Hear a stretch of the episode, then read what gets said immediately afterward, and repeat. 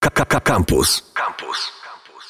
W połowie stycznia obiegła świat, tak powiem dumnie, informacja, że Pitchfork albo zniknie, albo jeden z największych magazynów muzycznych w internecie w każdym razie przestanie istnieć w dotychczasowym kształcie. To decyzja wydawcy, właściciela, czyli Condé Nast, stajni, w której poza Pitchforkiem był, jest między innymi Vogue, a sam Pitchfork teraz ma się złączyć z GQ, GQ, czyli magazynem dla mężczyzn.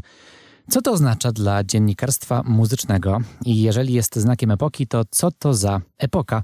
Pytam dziennikarza muzycznego z rodzimego podwórka. Ze mną Jacek Świąder, autor m.in. bloga Ktoś ruszał moje płyty. Cześć. Cześć, dzień dobry. Co pomyślałeś, jak zobaczyłeś te informacje? Pitchfork zamknięty. Znaczy będzie, bo jeszcze działa. No, różne rzeczy można myśleć. Ja z jednej strony myślałem, kurczę, to to jeszcze istniało? Jakby, wiesz, nie był mi aż tak potrzebny na co dzień ten serwis, a z drugiej strony, no, wiąże się z nim dużo wspomnień i rzeczywiście cała epoka, bo on istniał od 96 bodajże, więc to jest taki, dla nas w Polsce to wtedy internet był, rozumiesz, w, może nie w wiadrach, ale w kubeczkach noszony i on po prostu jak miałeś internet, no to ten pitchwork już zawsze tam był. Wiesz co, no ja jestem z trochę innego pokolenia. E, dla mnie w sensie biograficznym, jak miałem cokolwiek, to pitchfork już mhm. zawsze tam był. Z pewnością magazyn, który kształtował chyba cały ruch e, muzyki indie.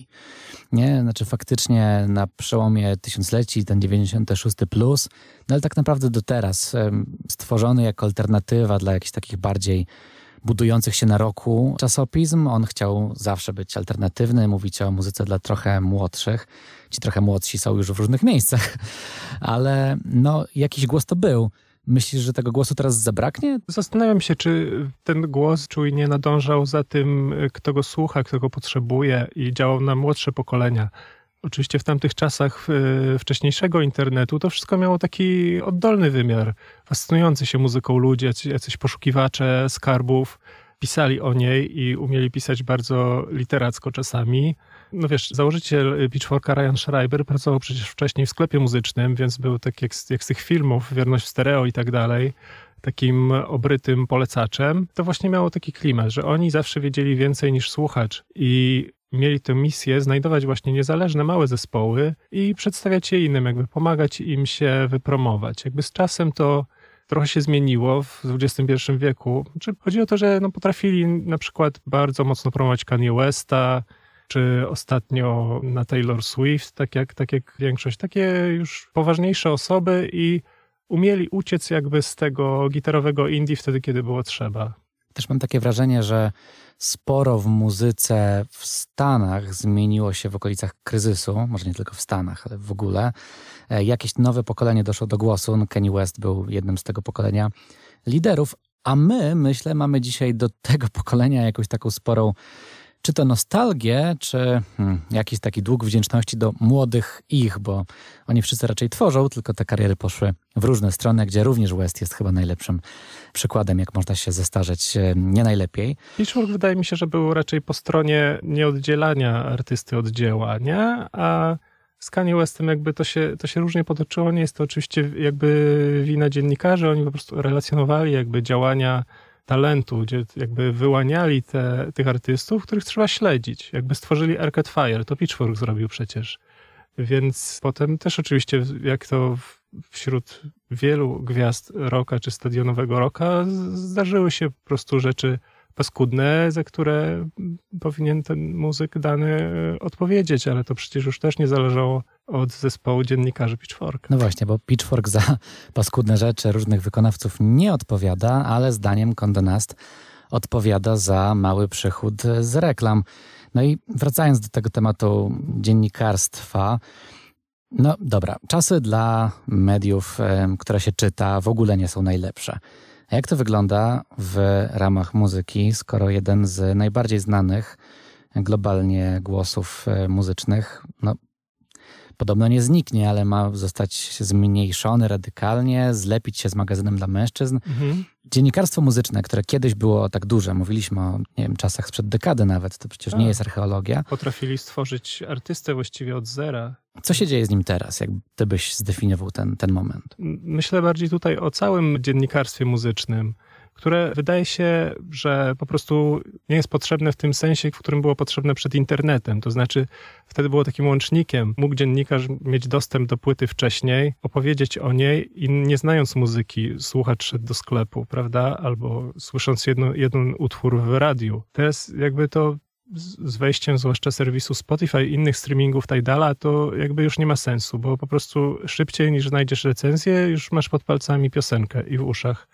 myśląc jakby od tej strony, to wydaje się, że dziennikarstwo powinno się mocno zmienić. Ja uważam pewnie podobnie jak, jak wielu, nie wiem, jak Bartek Haciński z y, polityki, że rolą dziennikarza teraz jest bardziej dawać kontekst muzyce, opowiadać historię danego artysty, znajdować przede wszystkim połączenia w różnych, w różnych jego wpływach, jakieś nawiązania, takie linie kontaktu z innymi płytami, książkami, filmami, z tym, czego jeszcze może młodszy słuchacz albo nie przyswoił, albo po prostu nie interesował się aż tak muzyką, kiedy, kiedy się przetaczały te podejmowane przez młodszych artystów teraz e, tematy, dzieła. Mówimy o czasach zmieniającego się dziennikarstwa muzycznego czy krytyki muzycznej.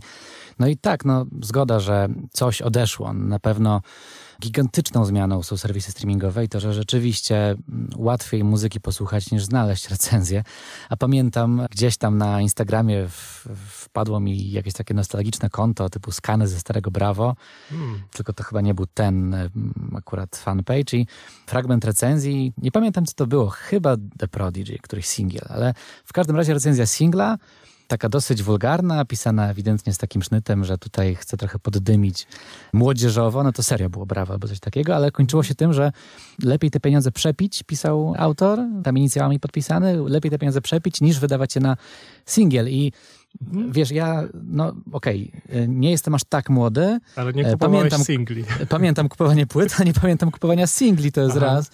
A dwa, no też raczej już doskonale pamiętam czas co najmniej YouTube'a, w sensie jakiegoś takiego dostępu do muzyki innego niż płyty, nawet jeśli płyty ciągle były, były fajne. Mhm. Jak się odnaleźć w tej nowej rzeczywistości, skoro no, Pitchfork to jest, czy było ledwie kilkadziesiąt osób zatrudnionych, tam 30-40 tak. twórców magazynu internetowego, który wydawało się kosztował grosze.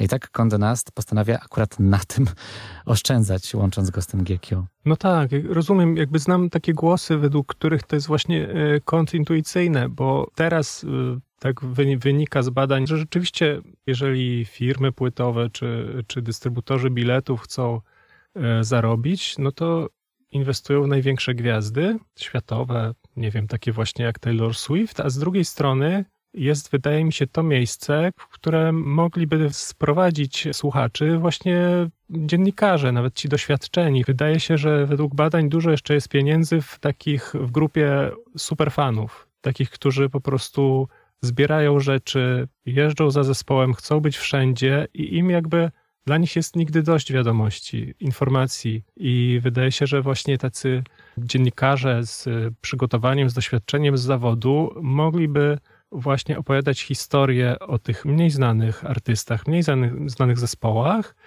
i właśnie jakoś e, im towarzyszyć po prostu w dotarciu do, do fanów. Oczywiście to nie, raczej nie, nie zapowiada się na, na masowe, ale na pewno byłoby to opłacalne dla, dla wytwórni, bo po prostu nie oszukujmy się, jakby to oni decydują, gdzie idą pieniądze, czy idą na reklamę w internecie, czy na wielkie plakaty, czy na przykład na, na kupienie reklamy w internetowym magazynie o muzyce. Ty w swojej pracy piszesz bardzo dużo o polskiej muzyce. No, naturalnie.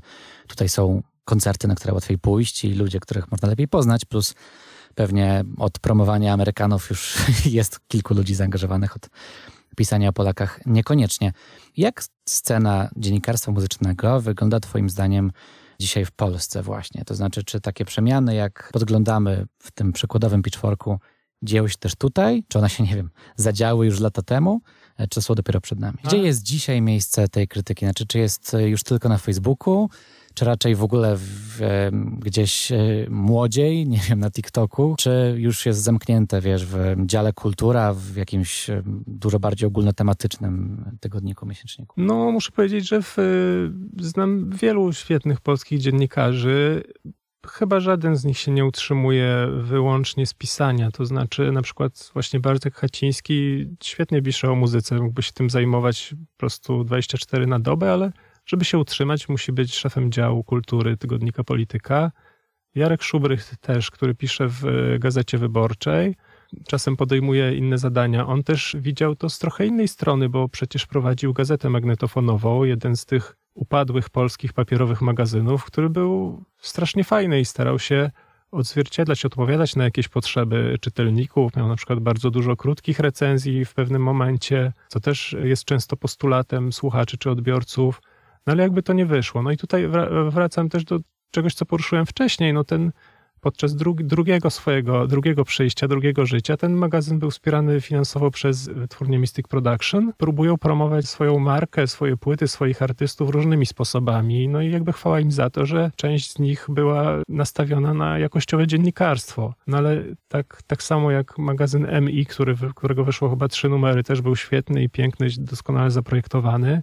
No jakby nie znalazło się na tyle odbiorców, żeby utrzymać te redakcje jakby z sensownym płaceniem za teksty. No, znam też dużo redakcji, które płacą bardzo słabe stawki i trudno wtedy oczekiwać dobrej jakości albo regularnie dobrej jakości. No, jesteśmy ograniczani budżetami. Dobra, trochę o tych zamykających się magazynach. Mm, no ale co, co w przyszłości, nie? No bo jak rozumiem, ludzie muzyki ciągle słuchają. To dobra wiadomość, na której i my stoimy. No i pewnie razem z tym ta chęć, żeby się dowiedzieć o niej czegoś więcej, też pozostanie. Gdzie, gdzie jest coś dobrego dla dziennikarzy muzycznych, czy raczej w ogóle ludzi, którzy o muzyce lubią coś pogadać? Wydaje mi się, że najważniejsza jest ich własna marka po prostu. Tak jak kiedyś pod e, skrzydłami redakcji można było mieć autorytet, wiedziałeś po prostu, że ten, jak ten autor pisze, co lubi, co nie lubi, w czym można mu wierzyć i myślę, że dobry autor z szeroką wiedzą, przede wszystkim taki, który ciągle chce słuchać, ciągle chce szukać nowych rzeczy, ma ogromne szanse na to, żeby być autorytetem dla słuchaczy i żeby po prostu mieć zaufanie takie, że on zawsze coś fajnego znajdzie. Nie? Jeżeli on coś puszcza w audycji albo nie wiem, opisuje coś choćby krótko, no to warto na to zwrócić uwagę. Wydaje mi się, że zawsze są potrzebni nowi, coraz młodsi ludzie, którzy będą potrafili paradoksalnie pokazać tym starszym, wychowanym na tylko roku, wychowanym na porcysie i na pitchforku, pokazać właśnie nowe rzeczy, których ci się nie spodziewali, no bo zawsze chodzi w muzyce o zaskoczenia i o poznawanie wspaniałych, nie do pomyślenia rzeczy i artystów i artystek. No, ja też mam nadzieję, że tam się będzie pojawiać więcej rzeczy innych niż ten e, wkurzający łysy gość z TikToka, który pokazuje palcem nad głowę. No, ale to już zależy od mhm. nas. Ze mną rozmawiał Jacek Świąder o muzyce, a raczej o dziennikarstwie muzycznym teraz i być może kiedyś. E, gadaliśmy z autorem, między innymi, e, bo też się zajmujesz różnymi rzeczami, między innymi bloga Ktoś ruszą moje płyty. Dzięki. Radio Campus 97 i 1 FM.